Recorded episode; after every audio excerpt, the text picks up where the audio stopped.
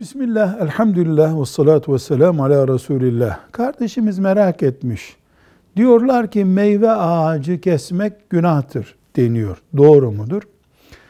Başkasının ağacını Mekke haremindeki, harem bölgesindeki ağacı ve israf olacak nitelikte meyve veren bir ağacı kesmek elbette caiz değil.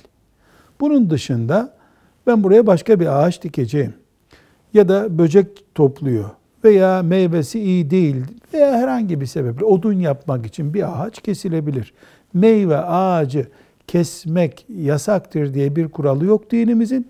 İsraf haramdır diye bir kural var. Velhamdülillahi Rabbil Alemin.